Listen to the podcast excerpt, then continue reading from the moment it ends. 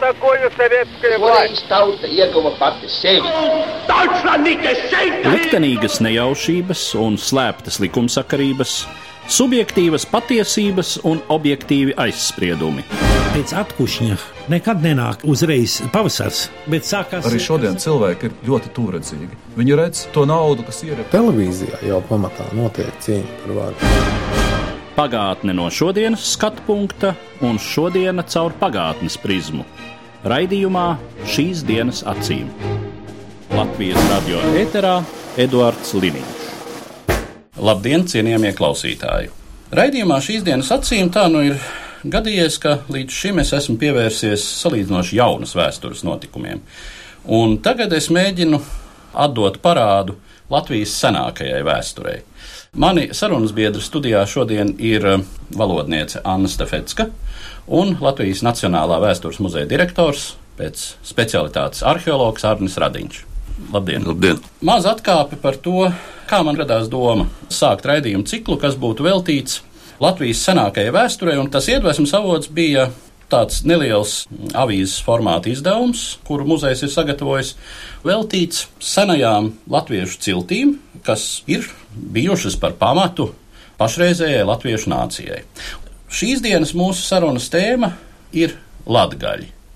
Runājot par to priekšstatu, kāds mums ir par senajām pirms latviešu ciltīm, kas ir šeit dzīvojušas laikā, kad par šo zemi vispār sāk parādīties rakstiskas ziņas, tie ir tātad 11., 12., 13. gadsimts. Tā karte gandrīz katram, kas skolā ir gājis, jau nu ir tā kā prātā. Šīs kartes austrumu daļa lielākoties ir tradicionāli laikam parasti krāsot tādā iebrūnā krāsā, un tā tad apzīmējot latgaļu cilšu apdzīvoto teritoriju. Jāsaka tā, ka šis priekšstats ir diezgan nemainīgs nu jau tuvu vai simts gadus. Jo, cik es arī atceros vēstures atlantus no pirmās neatkarības laikiem, tad tur arī apmēram tāpat viss tas izskatās. Varbūt pirmām kārtām, kā ir radies šis priekšstats par to, ka tieši tajās teritorijās ir mitušas tās vai citas latviešu ciltis. Pētniekam vienmēr ir interesējis tas, kas nu bija pirms mums, vai kas bija pirms viņiem. Izejot no šī, vienmēr mēģināja sasaistīt eh, šīs lietas uz atpakaļ, ja šī gadījumā. Un kaut kur pirmie gadsimti pēc Kristus, no šī laika mēs tā kā tradicionāli jau vairāk kā simts gadus, ko mēs zinām arheoloģiskos pieminekļus, varam sastaistīt kaut kādā mērā ar tām ziņām, kas ir rakstītos avotos, ka tur dzīvoja latgaļu kurši, zemgaļu sēļu. Protams, ne simt procenti, bet šī te kultūras attīstība, nu, rotās, darba rīkos un, un, un citās lietās mēs redzam šo pārmantotību, šo nepārtrauktu attīstību. Ja? Līdz ar to, kuršiem mēs varam diezgan droši izsakot no tā laika, zemgaļiem varbūt mazliet vēlāk, kaut kur 3. 4. sēļiem arī apmēram tāpatās, nu, latgaļiem tas jautājums ir kaut kur ap 6. 7. gadsimtu, visticamāk 7. gadsimts, kad mēs varētu sākt runāt jau par kaut kādiem pirmajiem latgaļiem vai pirmlatgaļiem, ja? un, un kas attiecās uz lībiešiem, tad tur jautājums ir vēl sarežģītāks, jo ir divas lietas jānošķirt šīs valodas grupas runātāji. Ja, ir, ir ļoti sen iedzīvotāji, ja, un mēs viņus varētu tur pirmā gada tūkstotī pirms Kristus jau atrast. Bet tas, kas ir kronikās, šie lībieši, tajā Indriča kronikas izpratnē, tie lībieši, kas parādās Daugavā un Gaujas leitecē, tie ir vēlāk ienācēji, nu, 10. gadsimta sākums, varbūt ir 9. gadsimta beigas, ir tas, kad viņi šeit apmetās uz dzīvi. Tie spēlētāji mums ir zināmi, viņu vārdi, pieminekļi mums ir zināmi, nu, tomēr šajos nu, simts gados, uzkrājoties dažādām šīm liecībām, ir notikušas nu, dažādi priekšstati, ka latgaļi un sēļi pirms 50 gadiem tika skatīti kopā. Nu, tagad varbūt mēs viņus nodalām diezgan labi, jā, un visu laiku bija šis sēļu jautājums, kas tad ir sēļi. Un es varbūt gribu teikt, ka nu, tas ir viens no sasniegumiem šajā projektā Latviešu saknes, kad mēs katrai šai mastautai vai ciltī veltījām atsevišķu konferenci, veltījām atsevišķu izstādi. Katrai šai bez šīs avīzes ir viena populāra zinātnes grāmata, viens konferences materiāla publikācija, un kas ir vēl ļoti īpaši svarīgi, ka tas vienmēr jāatcerās, ka šī Latvijas un Lietuvas robeža ir robeža, kur 13. gadsimta apstājās krustneši. Lietuviešos ir gan kuršu, gan zemgaļa asins, gan sēļa asins, jā, un, un šis projekts tika veikts sadarbībā ar lietuviešu kolēģiem, tā kā tas ir tāds vienots skats uz, uz to mūsu senāko vēsturi. Es arī gribu turpināt, ka arī valodniekiem ir pašlaik projekts ar lietuviešiem, un šis projekts saucas Baltu valodu Atlants. Valodnieku uzdevums pirmām kārtām ir sniegt ziņas vēsturniekiem, arheologiem, papildināt viņu pētījumus un e, kopā var izsecināt daudzus e, faktus, kas sākotnēji bijušas hipotēzes un vēlāk tad arī kļūst par zinātniskām atziņām. Bet e, runājot par šīm ciltīm, nu tīri no valodniecības viedokļa, jāsaka tā, ka vidus dialekts sniedzas cauri visai Latvijai no rietumiem līdz ziemeļaustrumiem, bet joprojām ir vairāki viedokļi, vairākas hipotēzes par to, kāpēc tā ir. Mēs jau minējām, te, ka par kuršiem mēs daudz zinām, arī par zemgaļiem, varbūt, kas ir nu, tieši šīs pēdas valodā, kas ir palikušas. Bet par latgaļiem šis jautājums ir visai sarežģīts, jāsaka. Jo mēs nevaram tā droši tagad nosaukt, kuras būtu tās uh, valodas parādības, kuras mēs varam piedēvēt tieši latgaļiem. Jo, piemēram, mēs par zemgaļiem zinām, jā, ir anaptikse šie vārdi ziraks un darbs, šis iespraudums. Zirgs un, un darbs, jā. Zirgs un darbs, jā, nu, protams, arī citi vārdi. Jā. Mēs runājam par kuršiem, par kuršu substrātu, kurzemes izloksnēs, bet par latgaļiem kā jau minēju, šis jautājums ir diezgan sarežģīts, bet nu skaidrs, ka no valodniecības viedokļa, kas ir izpētīts ar salīdzinām vēsturisko metodi, ir secināts, ka latgaļi nemaz valodas ziņā nav bijuši tik viendabīgi, ko par to vēsturnieki saka. Nē, es pilnīgi piekrītu. Tas, ko mēs par latgaļiem, tad šeit ir jāatbild uz ļoti daudz, jo tā materiālā kultūra ir vienāda. Bet eh, tās valodas iezīmes, kas šodien fiksējās, ir pavisam dažādas teiksim, šiem cilvēkiem. Arī antropoloģiski tur ir vēl viens moments. Tas nenozīmē, ka cilvēks, kas eh, vienādi ģērbās, nesāja vienādas rodas, viņš varēja izskatīties savādāks un runāt arī mazliet savādāk. Ja? Un tas ir tajā latgaļu jautājumā. Un te nu ir eh, neapšaubām tāds interesants gadījums. Jā, nu, arheologi šajā ziņā ir privileģētāki, jo jūs jau tomēr izrokat kādas senlietas, jūs pēc tām varat spriest, bet valodniekiem šie vārdi ir aizskanējuši nebūtībā, un mēs viņus vairs restaurēt nevaram. Un rakstu pieminekļi, kā zinām, mums ir eh, diezgan jauni. Lai gan man tā gribētos teikt, vai tad senajiem latgaļiem nekādi rakstu pieminekļi nevarēja būt? Teorētiski mēs varētu Teorētiski. pieņemt, ka varēja būt, tāpēc, kad mēs zinām par pareizticību, tad, tad baznīca vienmēr nozīmē kaut kādus rakstītus momentus, bet tad visticamāk tas būtu bijis eh, šajā te Kirlicā. Kirlicā un senslāvu valodā, varbūt jau tas, kas, piemēram, Lietuvas teritorijā notika, ja šajā Lietuvas uh, lielajā valstī oficiālā rakstība notika senslāvu tajā momentā.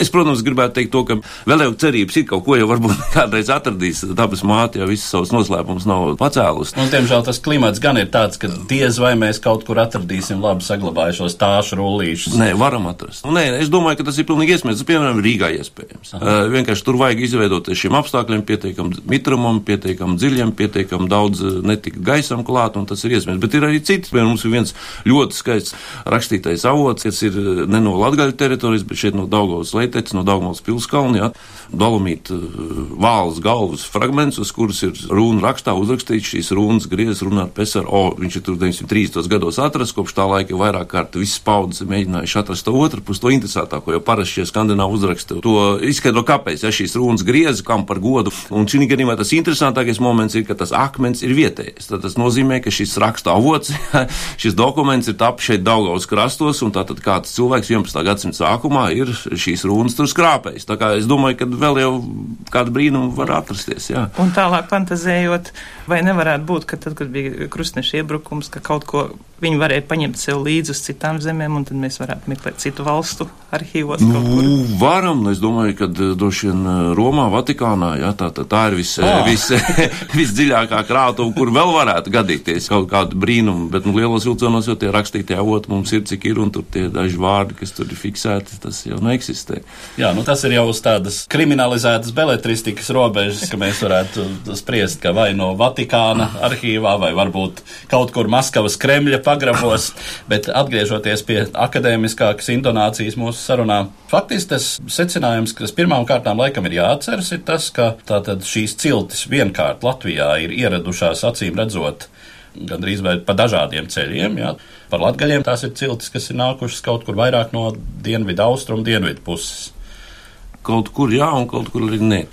Latvijas jautājumā ir viens tas sākuma posms, pie kura mums jāpiekarās, ir tātad pirmie gadsimti pēc Kristus. Tātad ir uzkalniņa ar akmens riņķi kultūra. Viņi dalās divās grupās - austrumu un rietumu.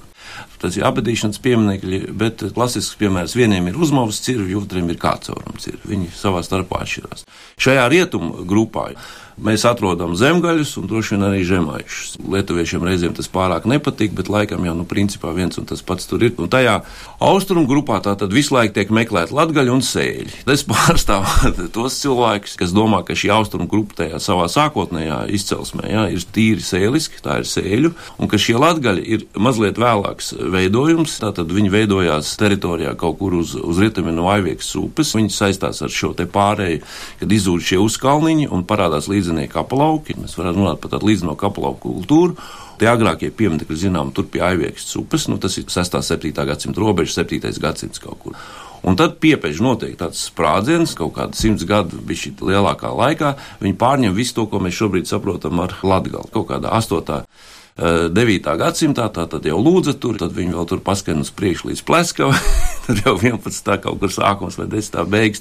Te ir viens jautājums, tātad, cik pārvietojās cilvēki, mums jādomājās, lai cik viņi būtu produktīvi ražot sevi tik ātri viņi nevarēja, teiksim, tad pārvietojās šī materiālā kultūra. Nu, acīm redzot, tie iedzīvotāji, kas bija šajā, nu, šodienas Latgales teritorijā pirms tam, lielā mērā pārņēma šo materiālo kultūru, un pie tam tā lieta ir vēl sarežģītāka, jo šī ziemeļa robeža, teiksim, tā ir robeža, kur eh, ienāk iekšā šie igauniskie, jeb somiskie akmens krāvumi. No sākuma ir redzams, ka šie līdzinieki aplauki pārvietojās tieši pa šo robežu, kur ir, un pēc tam viņi tā kā arī mazliet vairāk uz ziemeļiem. Un, protams, vēl viena lieta jāatcerās, ka 8. gadsimts ir diezgan intensīvs dzīves laiks austrumos, tas ir šodienas Baltkrievijas un Krievijas teritorijā, kur sākās slavonizācijas process. Nu, es piedaru pie tiem, kas domā, ka ātrāk par 8. gadsimtu mēs par slāviem pie Latvijas robežām nevaram runāt.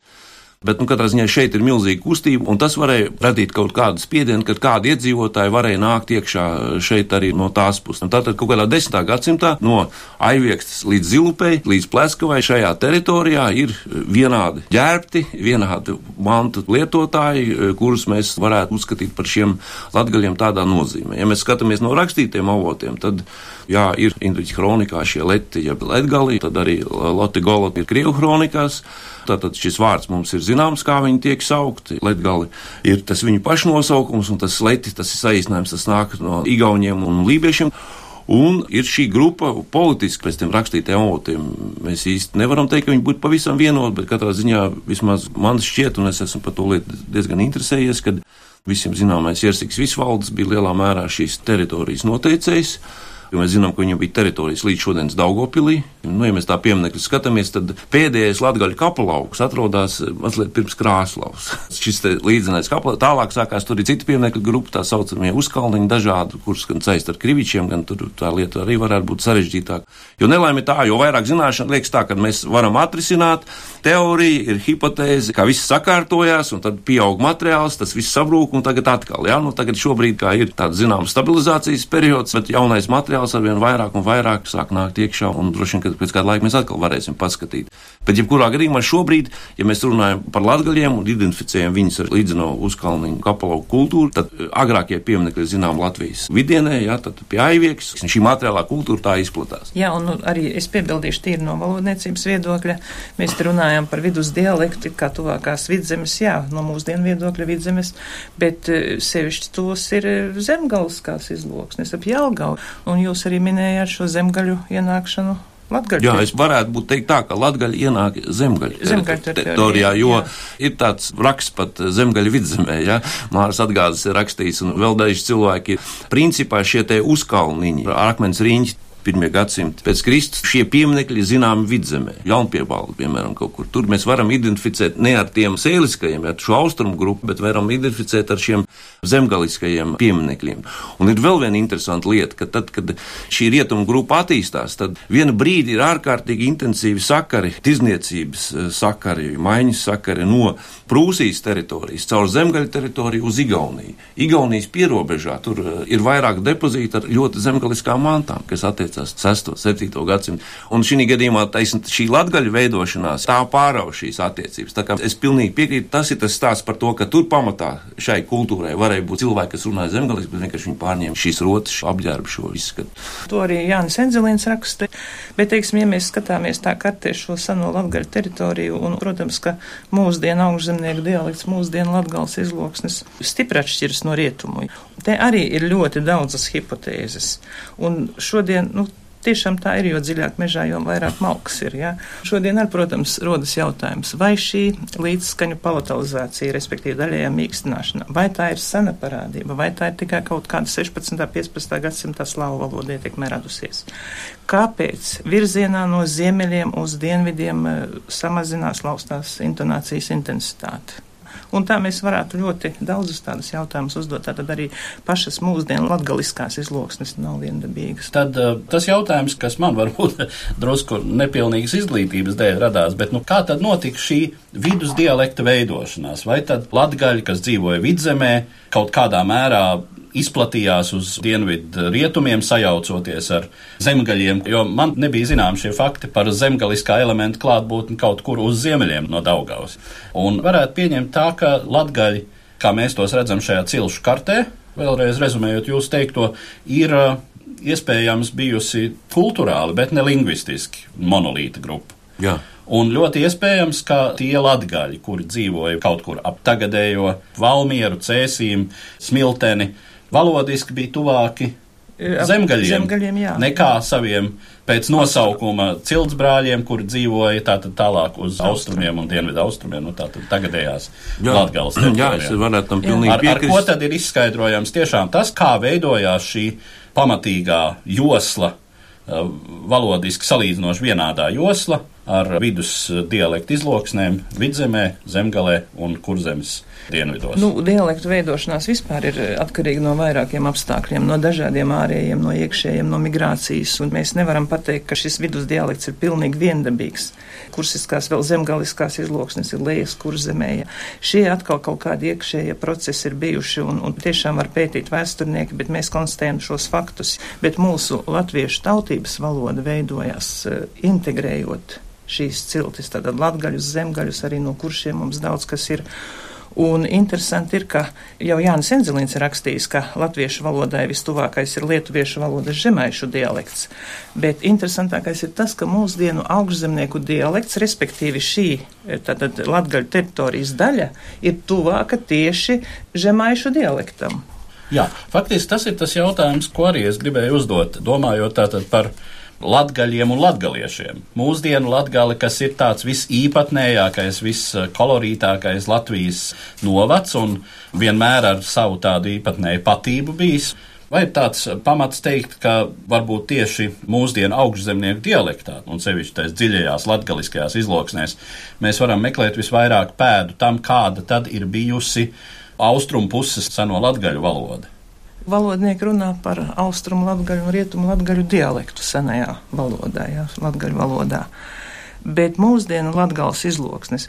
Tās ir veidojušās, un, un tās noteikti stipri ietekmē arī šie vēsturiskie apstākļi jaunākos laikos. Ja šī Latgales 300 gadu gandrīz nošķirtība no pārējās latviešu etniskās teritorijas, kad izveidojās sava rakstība, šī multinacionālā vide, kas šeit bija, bet nenoliedzami Latgales izloksnes joprojām valodnieks saka slēpt lielus dārgumus. Šeit ir tādas valodas parādības, kuras mēs vairs neatradīsim literārajā valodā. Mēs neatradīsim pārējā arī latgaļu teritorijā, bet mēs atradīsim pie kuršiem, mēs atradīsim lejas kurzemē, mēs atradīsim žemaitijā, mēs atradīsim Lietuvā. Mums ļoti daudz tādu vārdu ir, kas ir tieši latgalē un kas aiziet nepārtrauktā areālā uz Lietuvu.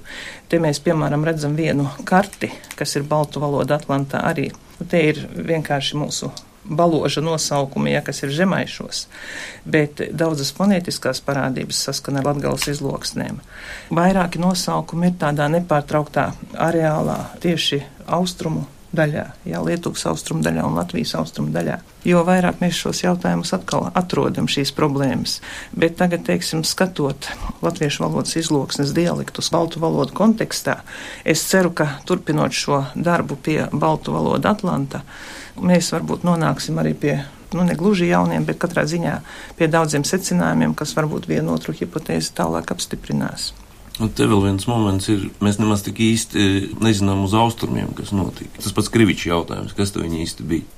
Jo balti, nebalti, jā, tas ir tas, kāpēc mums ir krievu vārds, teiksim, citiem ir pavisam eh, cits vārds. Jā. Tas ir ārkārtīgi liels fenomens, ko mēs maz zinām arheoloģija arī ir bijusi politiski vienmēr. Baltkrievijas teritorijā par Baltiem līdz kaut kādiem 1960. gadiem vispār nevarēja runāt. Tad, pateicoties akadēmiķim Sedavam savā laikā, par to sāk runāt. Nu, šobrīd eh, šī lieta ir stipri pavirzījusies uz priekšu. Tur ir ārkārtīgi arī interesanti, kas tur ir dzīvojuši. Jā, tur Braslava, Maskavišķi, tādi pierobežu pieminekļi, tur ir ļoti interesanti atradumi, kas rāda, ka tur ir latgaļu kultūras ietekme. Bet vismaz nu, tā, ko es zinu, es šobrīd nevaru teikt, ka tie bija tieši tie, ka viņi bija viens pret vienu. Tas ir kaut kas mazliet savādāks.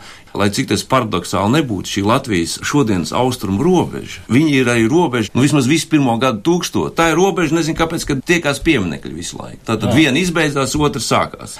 Kā es teicu, pēdējais Latvijas līdzinājums kapelauks ir pie Krāslaus, un tālāk sākās citi pieminekļi. Tā ir tā miedarbības zona starp dažādām materiālām, kultūrām, etniskām grupām un tam līdzīgi. Otrs ir, ka, teiksim, tā ziemeļa robeža visu laiku, jau mums ar Igauniem. Tā arī visu laiku ir robeža. Mēs pieņemam, ka pirmā gada tūkstoša laikā mēs esam no Daugavas aizgājuši līdz šodienas robežai. Tiekam ja? tādu acīm redzamu geogrāfisku šķēršļu. Nē, nē, nē, nē, nē bet, bet mums ir maza teritorija, bet diezgan labi pētīt. Un līdz ar to mēs darbojamies ar ārkārtīgi nu, tādām mikro elementiem, no kuriem kaut kas ir jāsaliek. Mums ir ļoti liela valodas dažādība. Es gribētu teikt, šī teritoriālā dažādība, dialekta izloksnes. Mēs patiešām maza teritorija. Un tai pašā laikā, ja mēs tā ceļojam no Ventspils līdz pat Zilupē, mēs izējam cauri šiem visiem dialektiem un mēs redzam, kā mūsu valoda mainās. Vēl es gribēju piebilst to, ka tādu stingru robežu nekad starp mūsdienu dialektiem nevar novilkt ir šīs pārējās izloksnes. Acīm redzot, glabā kaut kādas senas pēdas.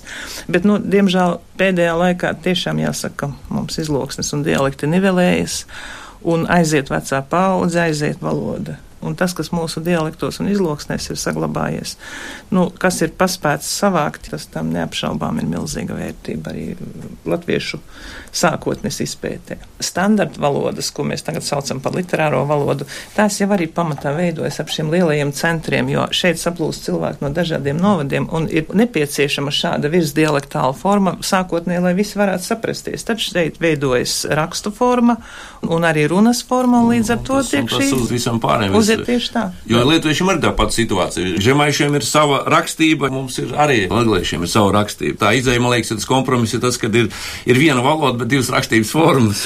Jā, es ar tam pilnīgi piekrītu, un es domāju, ka Latgalē šī rakstība bija nepieciešama, jo Latgalē jau bija atdalīta ar valsts robežu no pārējās latviešu teritorijas. Šeit ienāca jezuīti, ienāca katoļticība. Šeit vajadzēja rakstību, vajadzēja baznīcas grāmatas, un kā jau lielākajai daļai tautu pirmie pieminekļi garīgi satura darbi.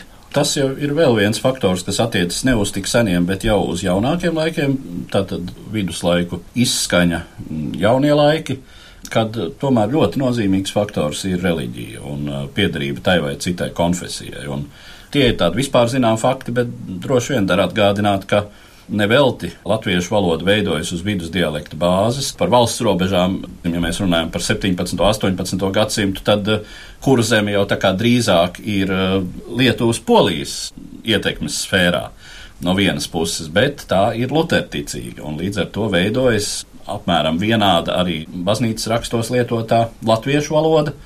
Un ievērojot to, cik toreiz cieši baznīcas lietas ir saistītas arī ar tām pašām skolas lietām.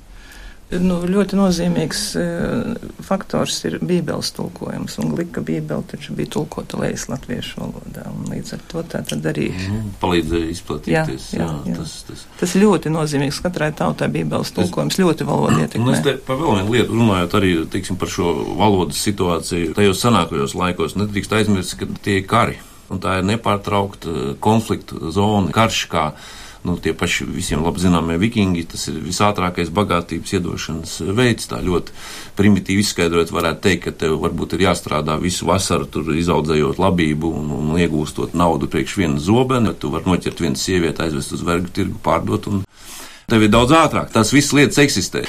Kultūra izplatīšanās, arī šo latgaļu, šo kapalau izplatīšanās, jā, viņi arī liecina, šī sabiedrība bija pietiekami militarizēta. Taisn šajā sākotnējā stadijā, teiksim, kaut kādā 8, 9, 10, kad katrs vīrietis ir bruņots. Nu, aizgāja tajā saulē, viņam ir šie ieroči. Vēlāk jau nav vairs tik briesmīgi, jau nodalās šīs profesijas, bet tā ir tāda sabiedrība, kas ir gatava karot, kas karo intensīvi attīstās. Arī šādā veidā šie resursi tiek iegūti kurš kuru. Un otra lieta ir, ka mums nevajag aizmirst krustakārus. Tātad šie simts gadi stipri izpostīja un samaisīja arī šīs etniskās situācijas. Kaut vai cēs, tas rajons konflikts ar Igauniem nepārtraukt. Igauni nāk iekšā, latgaļietus tur Igauni nāk iekšā, laba kronika pārspīlē, bet nogalināja tik un tik, viss izveda, sijos bērns aizveda, atveda un tā tālāk. Un te pilnīgi varbūt mazliet mums neizskaidrojams lietas, ja, ja tik daudz tās sievas un tos bērnus atveda, tad viņiem vajadzētu parādīties tajos kapelaukos. Bet nu, laikam viņas pārģērba tā kā latgalietas, jo pēc tā materiālās kultūras mēs nevaram pateikt. Tas pats, nu, ar Krieviem konflikti, jā, tur soda kalns, jau slavens kapelauks un liels tur pils un tā tālāk, bet tas rajons tika izpostīts briesmīgi visu laiku šajās Krievu ordeņa konfliktos. Tie ir zudumi, lietas, kas tiek aizstātas. Pēc tam tikko ekonomika robežas sakārtojās, ja ir nepieciešams darba spēks, un tad arī šis darba spēks tiek radīts. Ja viņš nav uz vietas, tad viņi ieved. Tas pats, kas šodien Latvija pēkšņi ies uz augšu, vajadzēs darba spēku, brauks ķīnieši. Jā, un tad ir vēl viens fenomens fenomens, kas man liekas ir diezgan tāds uh, interesants, kad cik etnos ir gatavs pārņemt citu valodu. Jo, ja mēs paskatāmies no, no vēstures, tie paši bulgāri, slāvu valodu uzvarēja viņu iepriekšējo valodu. Ja mēs paskatāmies arī tos pašus krievus, ka viens no izplatīšanās fenomeniem ir citas valodas nepieņemšana. Nu, ir zināma robeža. Parasti uzvar tie runātāji, kur ir ekonomiski spēcīgāki. Atpalikušākie reģioni tie atkal mēģina pielāgoties arī valodas ziņā, tiekties it kā uz augšu. Tas ir tas smagais jautājums, par ko mums vajadzētu tomēr runāt. Tas, ka ar likumu ir noteikts, ka latviešu valoda ir valsts valoda, vēl nepietiek, par viņu ir jācīnās. Mēs zināmā mērā atkāpjamies daudz kur. Katram ir jāuzdod jautājums, kāpēc es gribu būt latvietis. Šī valsts eksistē tikai tāpēc, ka ir šī vēsture, ir šī valoda, ir šie cilvēki, kas grib būt latvieši. Ja nav šī visa, tad ir pilnīgi vienalga, teiksim, arī muzejā, kādā valodā būs aprakstīts šīs kolekcijas. Mums jābūt saviem nosaukumiem. Tā ir tāda pamata lieta, ko reizēm tie cilvēki, kas uh, ir virs mums, Vismaz man šķiet, nesaprot. Jā, tas ir paradoxāli, un, kas nav mūsu šīs dienas sarunas tēma, bet ja jau mēs pie tā esam nonākuši, ka visa valsts nākotne koncentrējas tikai vienā punktā, kā mēs atdosim uh, tos miljardus, kurus esam veiksmīgi aizņēmušies. Un tiek aizmirsts tas, kāpēc tad uh, vispār šī nācija pastāv un grib pastāvēt. Kā valoda neattīstās, tad, ja neattīstās šī humanitāro zinātņu sfēra, jā, jo tā ir tā, kas liek domāt latviski. Bet man viens cits vēl apstākļus ir tas, ka visi aizmirst to, ka šī aizņemšanās nebija tāpēc, ka humanitārām zinātnēm vai, vai muzejiem vai teātriem bija pārāk daudz iedots. Viņiem pēdējā brīdī kaut kas tika no tā. Ka, iespējams, ka tieši tāpēc. Pareks banka ir, ir otrā banka. Nu, es nezinu, kura valsts var divreiz uzkāpt uz vienu un tā pašu grābekli. Jāsaka tā, ka nevis nespēja rēķināt. Rēķināšana jau savreiz tomēr pierādās, ka māk, bet nespēja iztēloties. Kas varētu notikt? Atgriežoties mūsu pamattēmā un, un sarunā par Latvijas senatni, tad nu, droši vien tas gala slēdziens varētu būt tāds, ka ļoti liela nozīme ir tam, kura kultūra ir bijusi mm, attraktīvāka un dzīvot spējīgāka kurā brīdī, tā arī ir izrādījusies kā dominējošā. Laikam Latvijas piemērs tam ir tāds spilgts pietiekami spilgts, bet vēl varētu teikt tā, ka šodienas Latvija ir krustnešu biznesa projekts. Viņi paņēma Daugavas ūdens ceļu, cik tālu tik viņi varēja. Nākošais gājiens bija paņemt Gaujas ceļu ar skatu uz Novgorodu no Pleskavu, un tā ir šodienas Latvija. Un politiskajās robežās tas, ko mēs viduslaikos pazīstam par Livoniju, kurā tātad ir šis te igauņu gals un latviešu gals, konsolidējās šīs divas tautas un izveidojās šīs divas valstis, tā ir Latvija un Igaunija. Un, uh, Droši vien, ja šis biznesa projekts šeit netiktu īstenots, robežas šajā reģionā varētu izskatīties arī citādi. Pilnīgi noteikti būtu rietumi un austrumi, un tad ir jautājums, kā viņi vienotos. Ja? Un te ir tāds jautājums par mentalitāti. Mēs esam pa vidi, mums ir kaut kas no lietuviešiem un kaut kas no igauniem. Ja mēs runājam par šo baltu kopību, baltu mentalitāti, tad viņi ir diezgan grūti atrast. Un es gribētu teikt, ka lielā mērā te tas, kas arī latgaļu jautājumā parādās mazliet, ka mūsos ir diezgan daudz šo somu asins. Līdz ar to mēs esam mazliet savādāki kā lietuvieši, kas lietuvieši varbūt ir tīrāki, eh, balti, kā, ja mēs kaut kādā veidā par šīm lietām varam runāt. Līdz tam, es domāju, mēs nonāksim mūsu citās sarunās, bet uh, par šo sarunu es saku paldies maniem sarunbiedriem Annai Stefetskai no programmas Letonika un Latvijas Nacionālā vēstures muzeja direktoram, arheologam Arnim Radiņam. Paldies! Paldies! Par pagātni sarunājas Eduards Liniņš.